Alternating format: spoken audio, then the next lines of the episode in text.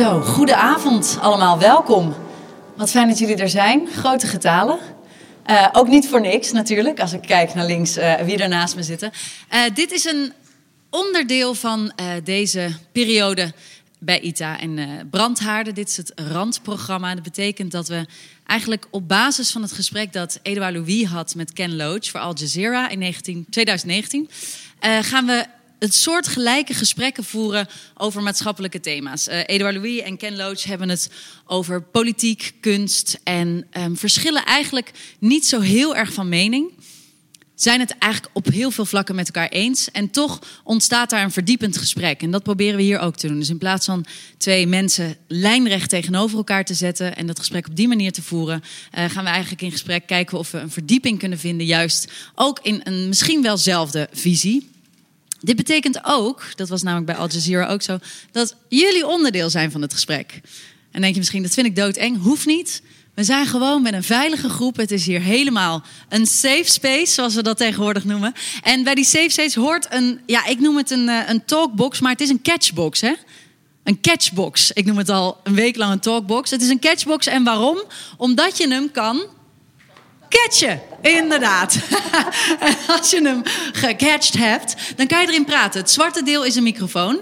Dus uh, misschien wil, wilt u dat even doen? Uh... Ja, dit is al genoeg. Dit is fantastisch. Uh, Sorry, mocht... mijn, mijn Nederland is heel glaas. Uh... mocht je denken, ik wil iets toevoegen aan het gesprek, ik wil een vraag stellen aan Marjolein of Walter, steek dan je hand omhoog of um, roep gewoon even. Voel je vrij. Ik weet dat ik het niet af kan dwingen, maar alsjeblieft weet dat het allemaal kan. En dan krijg je dat ding en dan mag je je vraag stellen, mag je gewoon meepraten met ons, want dat is een beetje het idee. Um, en in dit geval. Um, in Gevechten en Metamorfose van een vrouw van Edouard Louis uh, gaat het uh, over. Wordt een moeder in beeld gebracht uh, die een grote strijd moet leveren om zich los te maken uit de wereld die haar jarenlang heeft beklemd. En dan is eigenlijk de vraag die we stellen: wat is de invloed van je afkomst op wie je wordt of kan worden? En dat gesprek voeren we met Marjolein Moorman. Geef een groot applaus, wethouder van Amsterdam en schrijfster van het boek Rood in Wassenaar. En Walter van den Berg, geef hem een groot applaus. Schrijver van onder andere het boek Schuld en Ruimte. Um, uh, onder andere de boeken Schuld en Ruimte. Ja, en Ruimte is de meest uh, recente. Um, allereerste vraag aan jullie. Zijn jullie fan van het werk van Edouard Louis? Uh, Walter, ik, ik begrijp dat jij eigenlijk een beetje de Nederlandse Edouard Louis wordt genoemd. Oh. Ben je daar trots op? nou, uh, ik, ik, dit, dit boek boekje heb ik, uh, is het eerste wat ik van hem lees. Ik had wel veel over hem gelezen. Uh, over welk boekje heb je het nu? Die, de, waar, waar, we het over gaan hebben, de mm -hmm. met, strijd en metamorfose van mm -hmm. uh, natuurlijk geïntegreerd. nog niet de tijd gehad om, te, om, om hem veel te lezen, maar nu is er even ingedoken. Je bent er ook zo doorheen, dus dat scheelt. Uh, en dat ik de Nederlandse Eduard... Ja, hij krijgt een hele week uh, uh, aan zich gewijd. En ik denk dat de meeste mensen die hier zitten mij niet zo goed kennen. Of gewoon helemaal niet. Wat ook helemaal niet erg is natuurlijk. Ehm, maar de overeenkomst is wel dat, dat ik, ik kom uit een... Ja, om het simpel te zeggen, het is wel ingewikkelder dan dat, maar, maar mijn, mijn zuster woont nog op het Sparndammerplein, of, achter, de, achter de de Smardammerstraat. En, en als uh, zijn, ben, zij is van de week jaren geweest, ik ben er niet geweest, maar uh, als je daar komt, dan is de hele kamer staat vol met rook. En, en, en uh, daar lopen de kinderen doorheen die slokjes bier van hun, van hun vader krijgen. En zo. Is het een cliché om te zeggen zilveruitjes en blokjes kaas? Zilveruitjes en blokjes kaas. Die, okay. die heb je helemaal te, helemaal te pakken. Ja, ja. Dat is het ge, de, de achtergrond ja, en, waar jij vandaan komt. Ehm, de andere overeenkomst is dat mijn ehm, ik heb een beetje gekke jeugd gehad. Mijn, mijn, vader ging vrij vroeg dood en mijn moeder kreeg een vriend die gewelddadig was. En uh, wij zijn uh, in, in uh, bij Edouard Louis was het zo dat zijn moeder op een gegeven moment zelf koos om weg te gaan of, of, of, of die vader uit de deur, de deur uit te zetten eigenlijk. Maar wij zijn op een gegeven moment ge, gevlucht van de vriend van mijn moeder. die zo gewelddadig was dat het een beetje levensbedreigend werd voor mijn moeder. Ik was toen twaalf. Zeg ik het goed? Nee, misschien, nee 14, sorry. Nee, 12 toen mijn vader dood was, 14 toen ik. Ja. ja. En uh, het milieu was ook uh, ja, uh, vergelijkbaar, ook, maar ook weer niet. Ik woon in Osdorp, dus, buitenwijk van Amsterdam. Ehm, met behoorlijk wat armoede. Ehm, dus ja, op, op vlakken vergelijkbaar. En daar schrijf je over. Je hebt Ja, het, het, ja, het dat is- geschreven is- woord genomen Ja. als manier om je daartoe te verhouden. En eigenlijk dat op een bepaalde manier ook in literatuur, op de, op de wijze van literatuur, een plek te geven.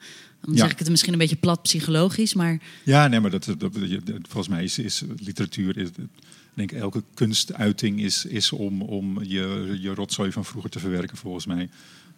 En dus dat, ja. Ja. Marjolein, jij klikt, knikt heel instemmig als je het hebt over, als, als Walter zegt, eh, om je rotzooi te verwerken. Is dat voor jou ook het geval? Nee, maar ik vind het wel een mooie manier om kunst te beschrijven. Hè? Dus ik vind kunst is altijd eh, het vinden van een, ja, een uitingsvorm voor bepaalde emoties. Dat maakt de kunst ook zo waardevol. En ik vind het inderdaad heel mooi als je zegt, ja, dat is een manier om je eh, rotzooi te verwerken. Maar ik ben geen kunstenaar, dus ik zou me niet eens dat Je durven hebt een boek noemen. geschreven. Dat is waar. Ehm, misschien eerst over Edouard Louis. Mhm. Ehm, ik, ik ben ook pas laat op zijn pad gekomen, moet ik eerlijk zeggen. Eigenlijk doordat ik inderdaad zelf dat boek schreef. En de thematiek die ik in mijn boek beschrijf, Rood in Wassenaar... eh, komt behoorlijk overeen met de thematiek die hij beschrijft. En jouw vraag net aan Walter was ook van... ja, ben je een fan? Ja, ik ben echt ongelooflijk groot fan geworden. Wat wel weer heel erg te maken heeft met dat ehm, ja, kunstvorm. Hij geeft woorden aan bepaalde gevoelens, klassenverschillen die er zijn, nog steeds in de samenleving, eh, die heel lang niet gezien en gehoord zijn.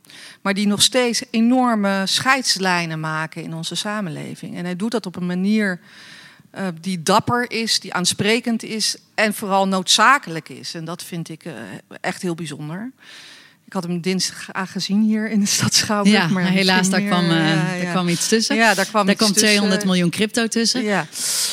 Ehm, en daarom, ik citeer hem dus ook een, eh, een paar keer in mijn boek. Ja. Eh, en dan misschien ook over inderdaad waar je wieg heeft gestaan. Kijk, mijn boek heet Rood in Wassenaar. Nou is Wassenaar niet per se een dorp waarvan mensen denken... daar heb je het ongelooflijk slecht. Dat hadden we het ook niet, maar we hadden het ook niet zo goed... als de meeste mensen in Wassenaar hebben. Dus wij woonden niet in een van die villa's. Ehm, we woonden gewoon in een normaal rijtjeshuis. En vooral die verschillen die ik vanaf jongs af aan zag, die waren vrij groot bij ons. We hadden het gewoon niet zo breed thuis. En dat werd, eh, nadat mijn ouders uit elkaar gingen, eigenlijk vooral aan de kant van mijn vader heel veel slechter. En mijn vader is op een hele jonge leeftijd overleden, op zijn 48ste plotseling. Hoe oud was jij toen? Eh, toen was ik net twintig. Mooie wedervraag. Ehm, maar toen bleek dat heel veel van zijn. eh, hij had gewoon heel veel betalingsachterstanden. Hij, zou eigenlijk, hij, hij stond eigenlijk op het punt. Wat gebeurde er? Ja, Er kwam iemand binnen. Maar kijk, het is een open gesprek, weet je wel. Voel je vrij, voel je vrij. Ze kunnen van alle kanten komen. Sorry. ja op het Leidseplein gebeurt van alles. Ja, gebeurt van alles. Ehm, hij stond eigenlijk op het punt om de schuldsanering in te gaan. En eh, nou ja, toen overleed hij plotseling aan een hersenbloeding. En toen bleek dat er heel veel betalingsachterstanden waren. Op de levensverzekering, op zijn hypotheek, eigenlijk op alles. En dat betekende dat niks uitkeerde en alle boetes nog wel bleven. En mijn ouders waren uit elkaar, maar nog wel getrouwd. En daardoor kwam alles bij mijn moeder terecht. Die vijf jaar later ook overleed. Hm. Op haar vijftigste. En toen kwam het dus bij ons terecht. Nou, dat was nog wel een interessante situatie, want dat kwam niet automatisch bij jullie terecht. Nee, hebben nou, jullie ook ja, nog het komt weer- wel automatisch bij je Ja, terecht. maar je kan er nog tenzij voor je kiezen. zegt, ik eh, accepteer de erfenis niet. Precies. Maar dat vonden wij gewoon eh, ja, onbestaanbaar. We waren op hele jonge leeftijd allebei onze ouders kwijtgeraakt. En dan raak je ineens alles kwijt. En we voelden het ook als een soort van... Ja, dat was ook gek genoeg, was ook die schuld van ons. Hè, dus het voelde ook als een soort van ver- verplichting of iets. Dat hoorde ook bij ons. Ja. Zou je dan ook de, de, de, de fotolijstjes en de, en, de, en, de, en, de, en, de, en de koffielepeltjes kwijt zijn? Ja, je- in principe is dat zo. In principe ben je alles kwijt. Nou denk ik dat als je... Je hebt heus nog even tijd om naar huis te gaan en hè, dat soort dingen te selecteren. Dus ik denk dat uiteindelijk de soep niet zo heet gegeten wordt. Maar het voelde gewoon heel verkeerd. Het voelde gewoon alsof we onze ouders dan gewoon... Het- Eigenlijk, de, toen de notaris voorstelde dat we dat zouden kunnen doen... Nou, we hebben, we hebben, het was gewoon meteen nee, dit hoort er gewoon bij. Ja. Dit is ook gewoon van ons. Ehm, Je zegt ehm, de overeenkomst met, met Eduard Louis. ehm, die, die zitten heel erg in mijn, in mijn jeugd, hoe ik ben opgegroeid. Uh, daar zit natuurlijk ook een verschil dat jij eigenlijk in een omgeving opgroeide waarin je de hele tijd geconfronteerd werd met het verschil tussen jou en die omgeving. Um, wat heeft jou daar in die periode, je schrijft er heel mooi over in het begin van je boek, maar voor de mensen hier, als ze het niet hebben gelezen, wat heb je daarvan meegenomen in de rest van je leven over kansenongelijkheid, over wat het betekent om in een ander gezin op te groeien? Nou, eigenlijk wat ik het allerbelangrijkste vind en wat ik echt van hem geleend heb een beetje, maar dat opende ook mijn ogen. Ik was vanaf jongs af aan heel politiek bewust. Kwam ook omdat wij in een rood gezin opgroeiden in een totaal liberale omgeving. Dus het waren ook de verschillen. Maar het kwam ook omdat ik me veel meer realiseerde, denk ik, dat politieke beslissingen impact hadden op ons leven. En dat beschrijft hij ook heel mooi. Als je geprivilegeerd bent, dan doen politieke beslissingen er niet toe. Als je, als je het geld hebt, dan kan je altijd een soort route eromheen verzinnen. Uh, dan is een lerarentekort geen probleem, want dan eh, koop je privaat onderwijs in. dus politiek doet er minder toe als je zelf uh, een geprivilegeerde positie hebt. Maar als je die niet hebt, dan kan politiek voor jou, zo schrijft hij dat letterlijk, het verschil maken tussen leven en dood. Als de politiek beslist dat de uitkeringen omlaag gaan, of nou ja, kijk nu maar naar dat afschuwelijke toeslagenschandaal, wat natuurlijk gewoon het gevolg is van politieke besluiten. Als je zelf realiseert dat politiek, hè, dat, je, dat je in zo'n situatie zit, dan voer je ook een andere vorm van politiek. Omdat je je realiseert dat het directe impact heeft op de levens van mensen. Mag ik één grote ergernis van deze week benoemen? Zeker. Ik las een uh, interview met uh, onze minister-president afgelopen dinsdag. En die zei: Ach, mijn vrienden, ja, die hebben niks met politiek. He, dus die hadden bij de dertigste persconferentie eens een keertje door dat ik die persconferenties gaf.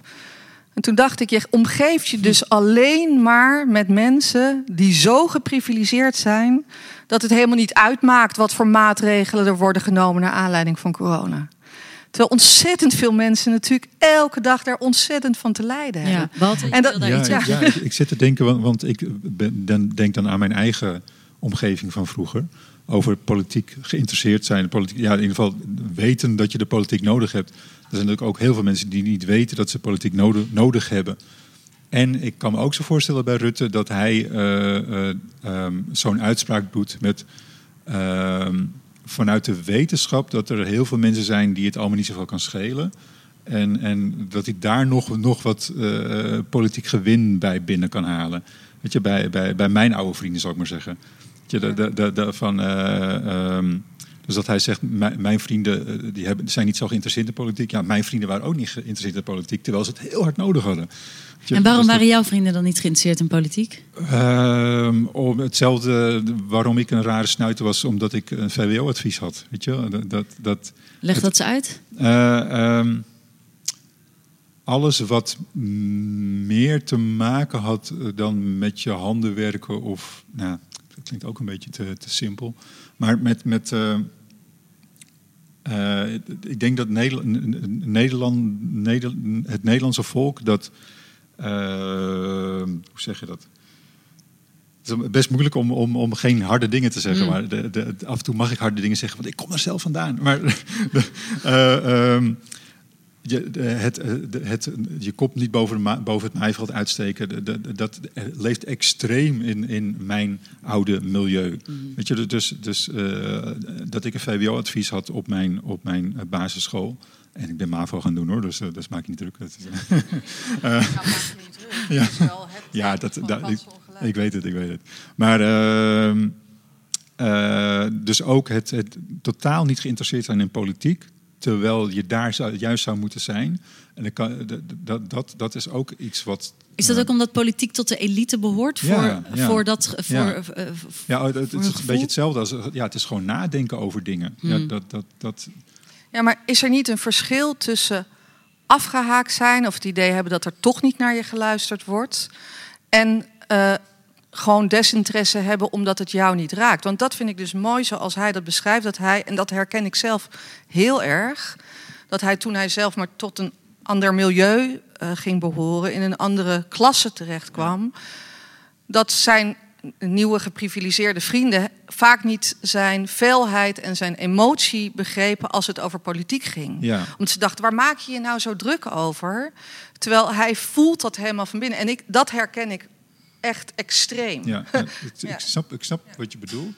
Maar ik denk, oh, je hebt het over afhaken. Maar ik, ik, ik denk dat er, dat er een heel, eh, hele grote groep out there is die gewoon niet, nooit, aanhaakt. is. Ehm, kijk, ik ben, ik ben eh, lid van GroenLinks, maar ik heb wel een heel goed salaris met, met, met mijn huidige baan. Weet je, naast het schrijven heb ik gewoon een baan. Maar, en waarom zeg je, maar ik heb wel? Eh, omdat ik, eh, het, het gaat mij niet aan. Weet je, als in, ik, heb, ik ben geprivilegeerd. Ik, heb, eh, Ja. ik ben echt lid van de elite. eh, als in Maar, lid. maar dat is toch juist de bedoeling. Hè? Dus dat juist ook de elite nadenkt over wat de impact is van hetgene wat we doen Ja. op de rest van de samenleving. Ja, nee, precies. Ja. Maar, Ja. maar wat, je, wat, je hebt, wat je zegt over de vrienden van Rutte, die, eh, omdat ze zo geprivilegeerd zijn. Ik, ik vermoed, en dat is gewoon echt een theorie die ik nu ter plekke, is dat hij gewoon nog een deel aan wil spreken. Van als, ook als politiek je niet interesseert, kan je lekker bij mij zijn. Weet je? Dat, Ja, maar, het, ja, maar dat, is, dat snap ik. Maar het grote verschil is dat zijn vrienden, denk ik, niet er niet interesse voor hebben omdat ze de hele dag bezig zijn een hoofd boven water te houden. En de hele tijd bezig zijn om allemaal baantjes aan elkaar te verbinden. Om überhaupt maar het einde van de maand te halen. Of zich druk maken over de energierekening en daardoor geen tijd hebben om zich in de politiek te verdiepen.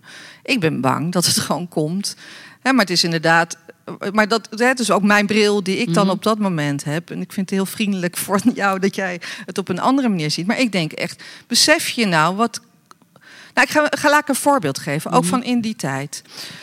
Toen eh, mijn ouders net waren overleden, eh, toen eh, keken we naar welke mogelijkheden er voor ons waren in verschillende uitkeringen. En er was bijvoorbeeld een wezenuitkering, die werd alleen maar uitgekeerd voor volledig wezen.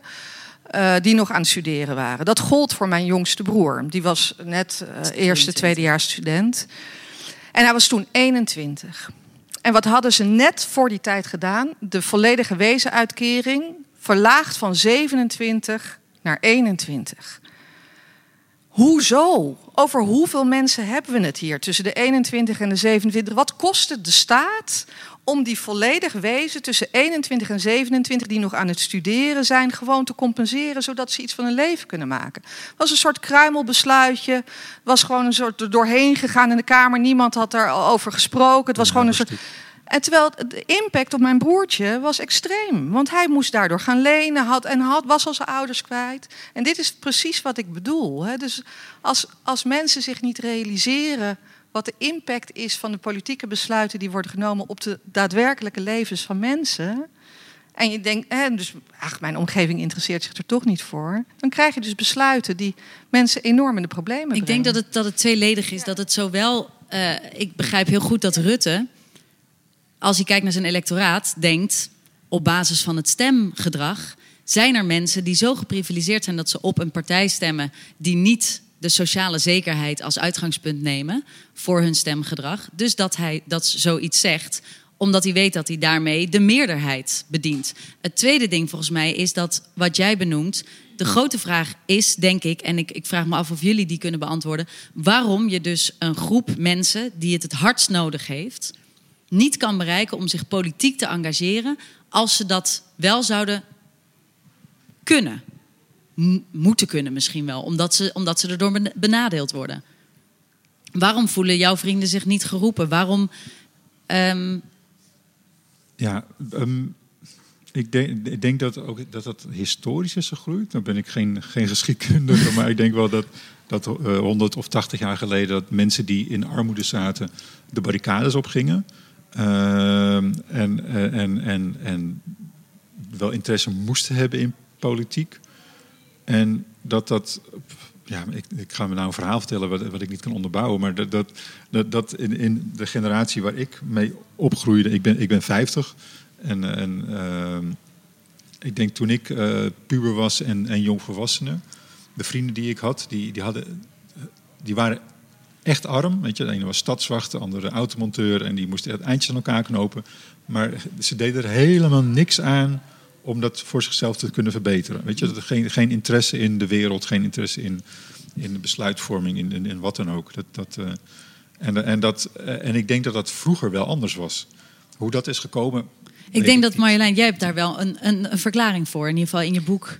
Ja, nou, het, het, is in ieder geval niet één ding. Het is een opstapeling van heel veel. Maar als jij al van jongs af aan hebt meegemaakt dat jij niet voor volwaardig wordt. Want jij stapte er net heel makkelijk overheen. Hè? Je had een VWO-advies, maar je ging naar de MAVO. Toch? Of je had een VWO-score, maar je kreeg een advies voor de MAVO? Nee, nee advies, maar dat was, dat, mijn vader was dood en mijn moeder uh, was uh, lamlendig. En die zei, ga jij maar lekker uh, rustig aan. Weet je. Ja. ja. maar dat doet dus met, iets met je zelfbeeld. En dat gebeurt natuurlijk voortdurend in de samenleving. Als, we hebben afgelopen jaren ook weer een onderzoek gedaan naar over- en onderadvisering. En dan zie je dat een groep kinderen wordt overgeadviseerd. Maar dat zijn natuurlijk de kinderen van de hoger opgeleide ouders. Dus die krijgen een veel hoger advies dan eigenlijk hun scores op de CITO. Een groep die wordt ondergeadviseerd, dat zijn meestal de kinderen van lager opgeleide ouders. Dus die krijgen voortdurend.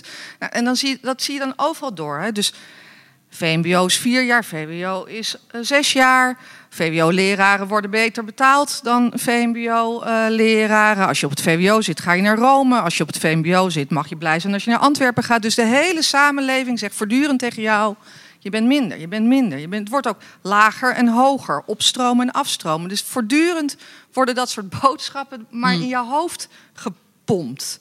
Ja, dan vind ik het niet raar dat mensen op een gegeven moment ook gewoon afhaken en denken: deze samenleving is niet voor mij. Want het is een soort wedstrijd, maar ik krijg helemaal geen kans in deze wedstrijd. Dus ik denk dat we onszelf de vraag moeten stellen: hoe kan het nou dat mensen um, toch afgehaakt zijn en, onder en, en, ik, en ik ben bang dat we inderdaad veel te vaak de schuld dan ook leggen bij mensen. Ja, als je dan niet mee wil doen, dan, ja, dan, dan, ja, dan, dan is het tegen je eigen belang in. Kijk, en ik vind het dus heel fascinerend met Trump. Daar hebben we ons natuurlijk allemaal volledig over verbaasd. Hè? Hoe kan het nou dat een man die eigenlijk alles tegen het belang in doet van de, van de werkende klasse eigenlijk? Want dat is wat hij doet.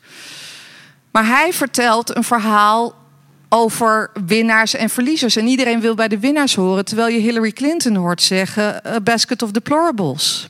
Ja, dan snap ik best wel dat mensen denken: ja, maar daar staat een man die, in ieder geval, die in ieder geval mij het beeld geeft dat je ook nog naar de winnaars toe kan. Dat is een verhaal waar ik, waar ik misschien gebeurt het wel niet, maar mhm. waar ik naartoe wil. En, de, en, ik, en ik denk dus dat wij juist, hè, met wij bedoel ik toch links of de sociaaldemocraten ook heel erg goed na moeten denken over wat voor boodschap geven we. Ik ben bijvoorbeeld heel erg tegen die uitspraak die ik in het verleden ook best wel vaak heb gebezigd. Van een dubbeltje een kwartje worden. Mhm. Wat zeggen we nou eigenlijk van een dubbeltje een kwartje worden? Dus jij kan allemaal van een dubbeltje een kwartje worden, maar daarmee verdelen we dus de samenleving in dubbeltjes en kwartjes. En als je het niet hebt gered, dan ben je dus een dubbeltje. En als je een dubbeltje bent, ben je dus al minder waard. Dus we zitten al in onze hele manier van spreken. Natuurlijk is het zo dat elk kind zijn kansen moet kunnen ontplooien. Maar we weten ook dat niet iedereen dezelfde talenten heeft. Hoe zie jij dat, Walter? Ja, nou, dat dubbeltje kwart. Ik, ik heb dat vandaag toch gebruikt. omdat ik op mijn, nee, maar ik ging op, op mijn werk, uh, legde ik uit waar ik, uh, waar ik vandaag heen ging, of vanavond heen ging. En dat ik uit een milieu kom waar, waar echt hard werd gezegd: een dubbeltje wordt nooit een kwartje. Weet je, en dus dat, dat zat heel erg ingebakken in, in, in dat milieu. Uh, en nog steeds waarschijnlijk. Uh, uh, maar ik zit er te denken, die, die, die, wat je voor. mensen hebben te maken met beleid, hebben, over, hebben steeds meer te maken met beleid.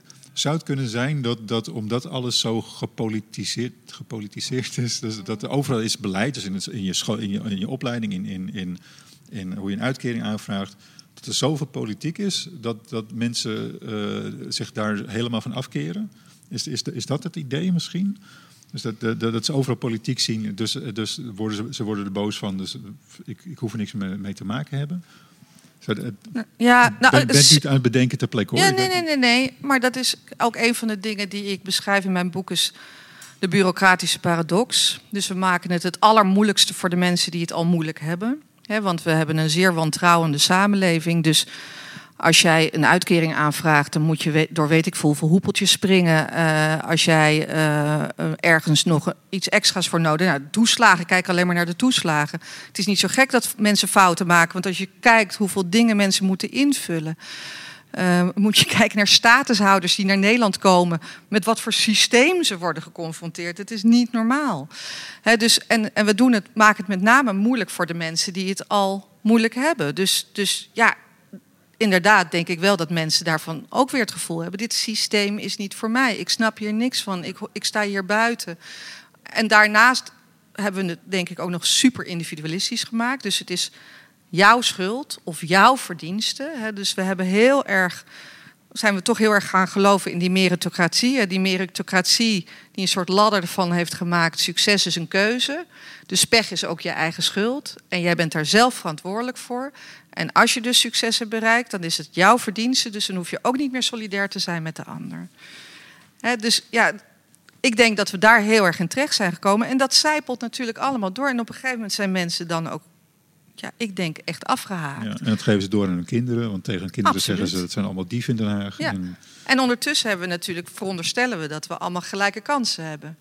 He, want we zijn toch een super egalitair land. Gaaf ook. En jij zou zeggen, we zijn, gaaf, en jij zou zeggen, we zijn een klassenmaatschappij.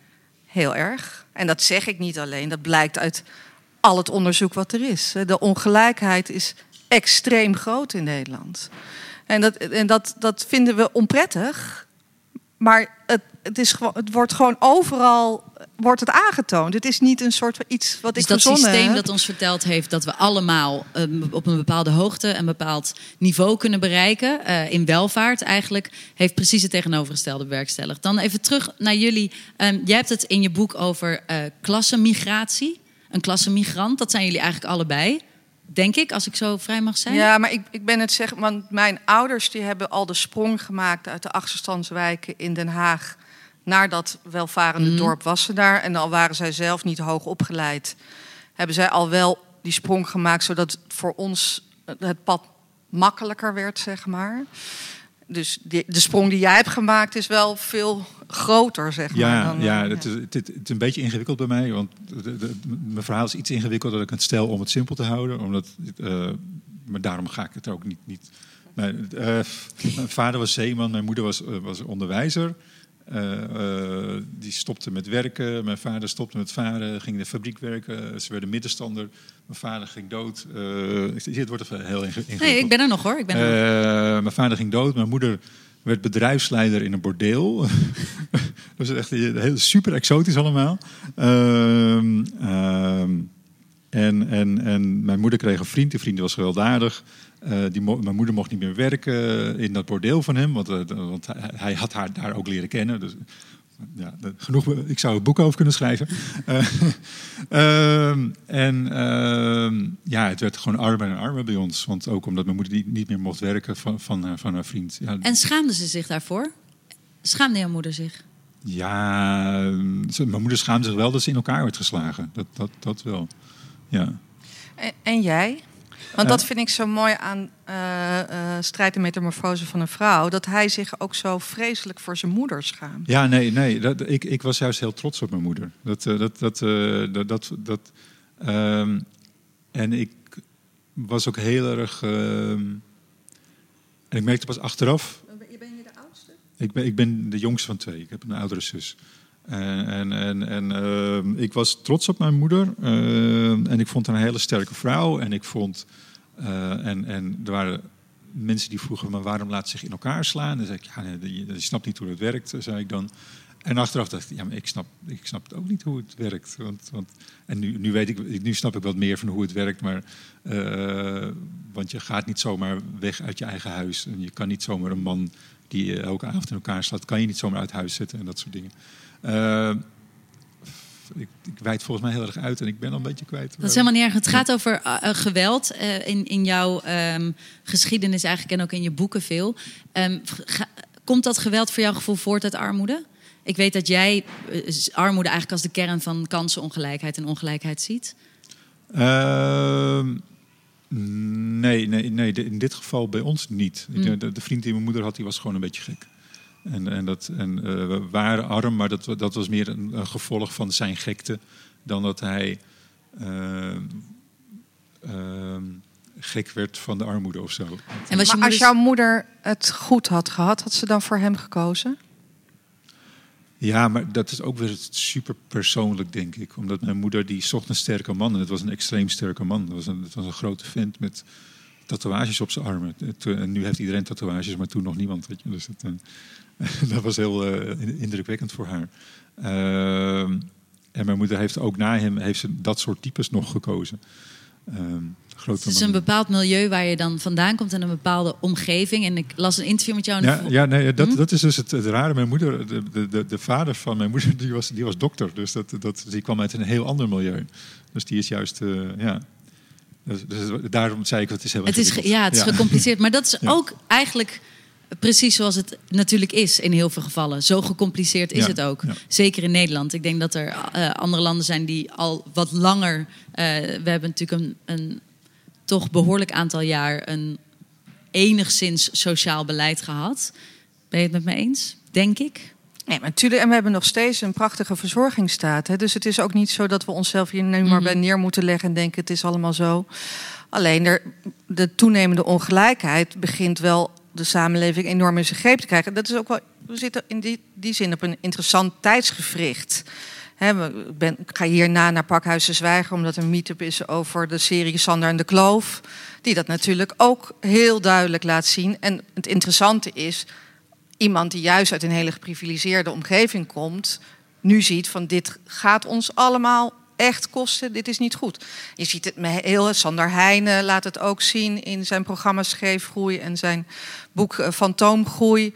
Uh, Joris Luijendijk, wat je er ook van vindt. Hij mhm. maakt ook heel erg duidelijk dat die ongelijkheid er is. Dus we zitten echt wel op een moment dat ook zeg maar, de andere kant van de kloof zich echt gaat realiseren waar we nu mee bezig zijn in onze samenleving. Dat breekt onze samenleving. Daar gaan we gewoon uh, aan onderdoor. Dus, dus dat, ja, het is denk ik ook niet voor niks dat we nu hier zitten voor Edouard Louis, dat, dat wij hier samen mhm. zijn. Dus dat, en Walter, zie jij dat ook zo? Is, is jouw schrijven ook een manier om op een bepaalde manier politiek te bedrijven? Of zie je dat helemaal? Ik heb het gevoel dat je het niet zo ziet, namelijk. Ja, nee, dat klopt ook wel een beetje. Ik denk dat ik. Uh,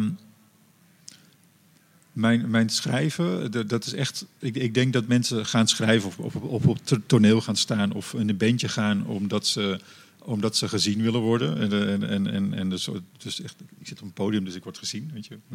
Uh, en en, en, en uh, ik denk dat je er vroeger, de, vroeger dat literatuur en andere vormen veel meer impact hadden op politiek. Weet je, dat. dat Godfried Bomans en Gerard Reven hadden vroeger een eigen tv-programma. Weet je, Zeg ik dat goed? Godfried Bomans ook? Reven wel in ieder geval. Maar, maar, de, de, maar, en dat zie je vrijwel niet meer. En dit, dit, dit um, programma over, uh, rondom Edouard Louis...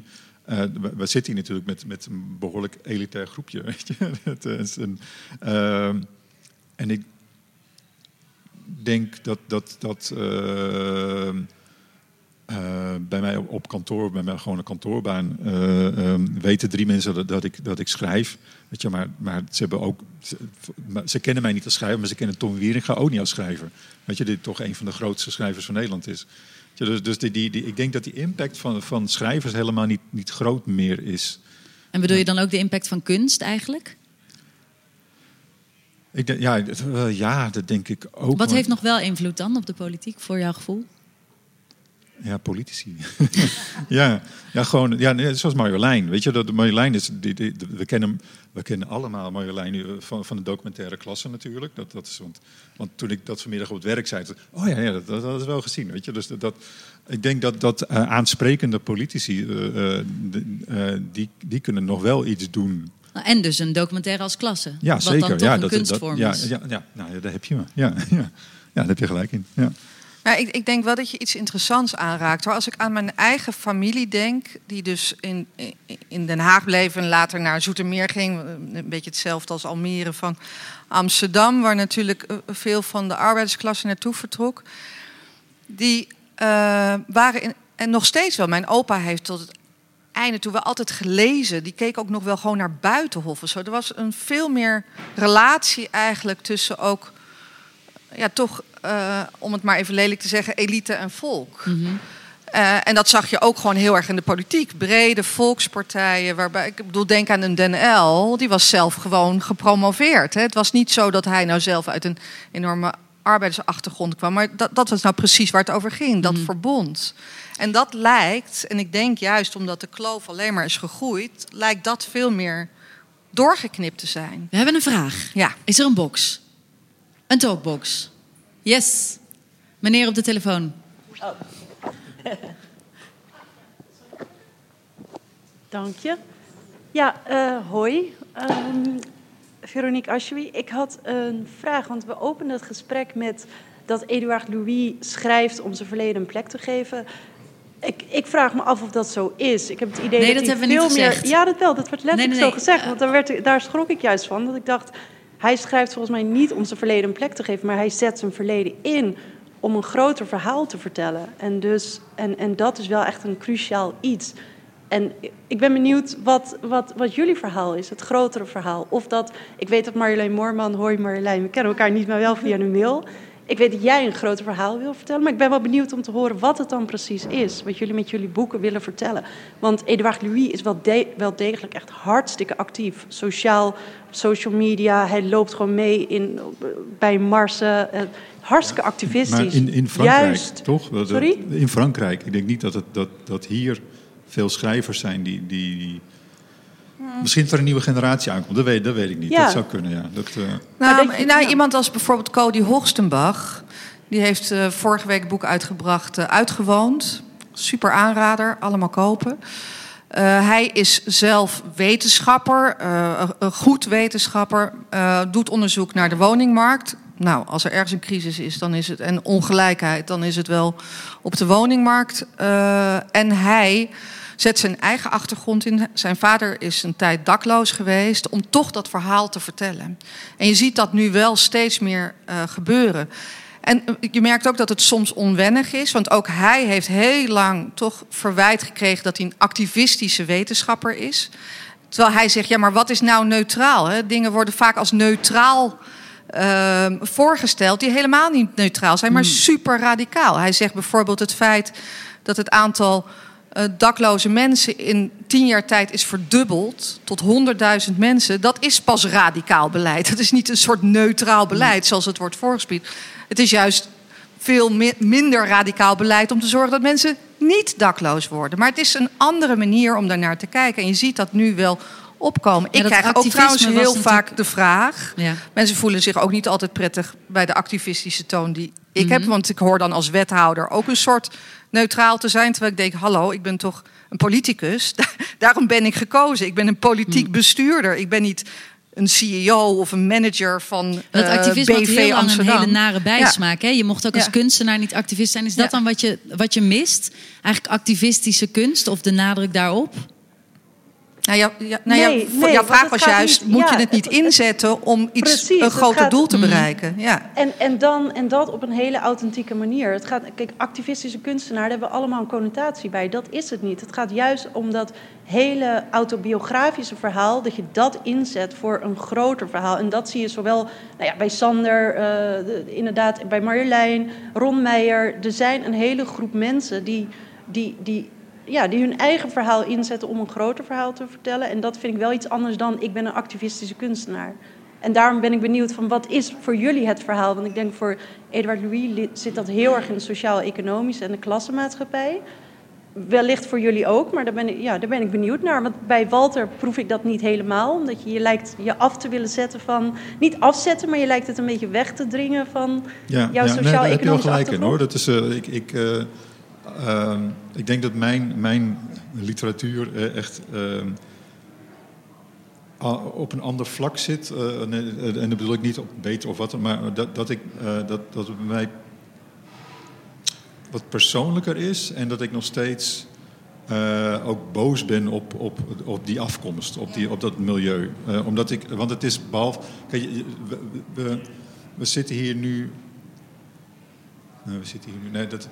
Uh, als we nu met z'n allen nadenken over hoe we het beter kunnen doen voor een bepaalde uh, bevolkingslaag, of uh, het klinkt ook weer een beetje denigrerend, maar uh, die, die, die laag waar ik, ik uitkom, die heeft mij lang heel klein geprobeerd te houden. Dus ik, ik voel er nog steeds een boosheid naartoe. Ehm, dus die, die, die, dat, dat, dat, dat dubbeltje dat nooit een kwartje zal worden, dat heb ik vaak gehoord. De, de, de, de, en niet zozeer van mijn moeder, maar wel van uh, vrienden waar ik, mee, waar, waar, ik mee te lang mee bleef omgaan. Uh, um, als ik bij mijn zus op die verjaardag kom waar zo hard, hard wordt gerookt, uh, dan, dan is, is die sfeer daar nog steeds. Dan ben ik nog steeds de rare snuiter.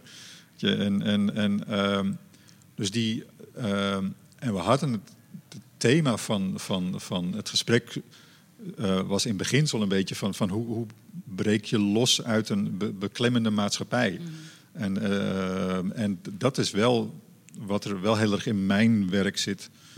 Uh, en ook in mijn gevoel. En ik, ik was laatst bij een, bij een vriend die ik heel erg herken als in een, een slimme jongen die nog, nog steeds heel erg in een, in een groep vrienden zit die hem klein houden.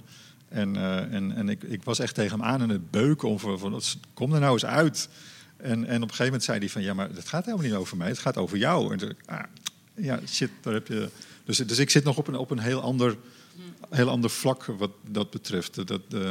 Mag ik jou daar? Want als jij dan de Nederlandse Edouard Louis, wat ik zo interessant vind in zijn werk, nee, maar toch, want ik zie veel parallellen, is hij heeft die boosheid ook. Ik herken die boosheid trouwens ook heel erg uh, op, achteraf, maar bij mijn moeder, die zich ook wilde ontworstelen uit een milieu.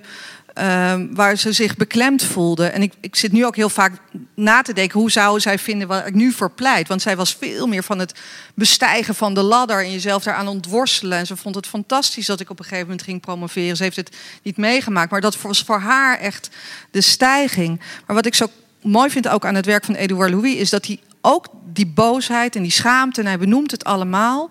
Maar hij heeft daarmee, daarnaast ook die empathie en, die, en die, uh, dat, ook dat begrip en inderdaad dat, die politieke boodschap van ja, maakten mensen nou echt hun eigen keuzes? Is het nou de vrijheid die ze echt hebben gehad? Hebben ze dat uit vrije keuze gedaan? Nou, zeker hoe hij zijn moeder beschrijft, vind ik dat prachtig.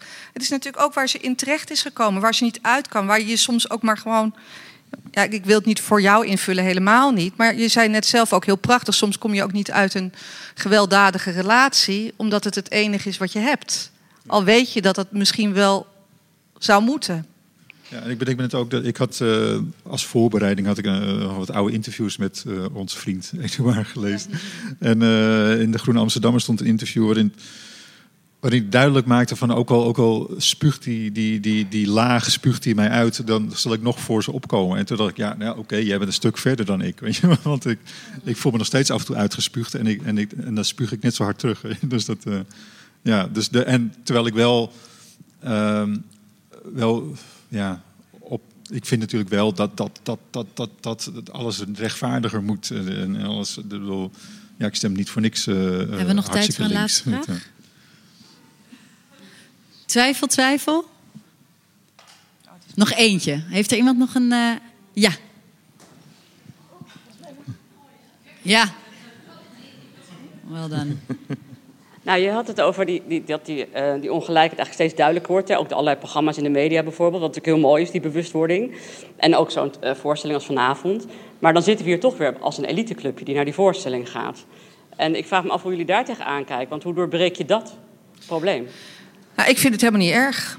Want ik ben blij dat jullie het je realiseren. Want misschien zijn jullie wel die sterke schouders die we nodig hebben om te zorgen dat je het gelijker maakt.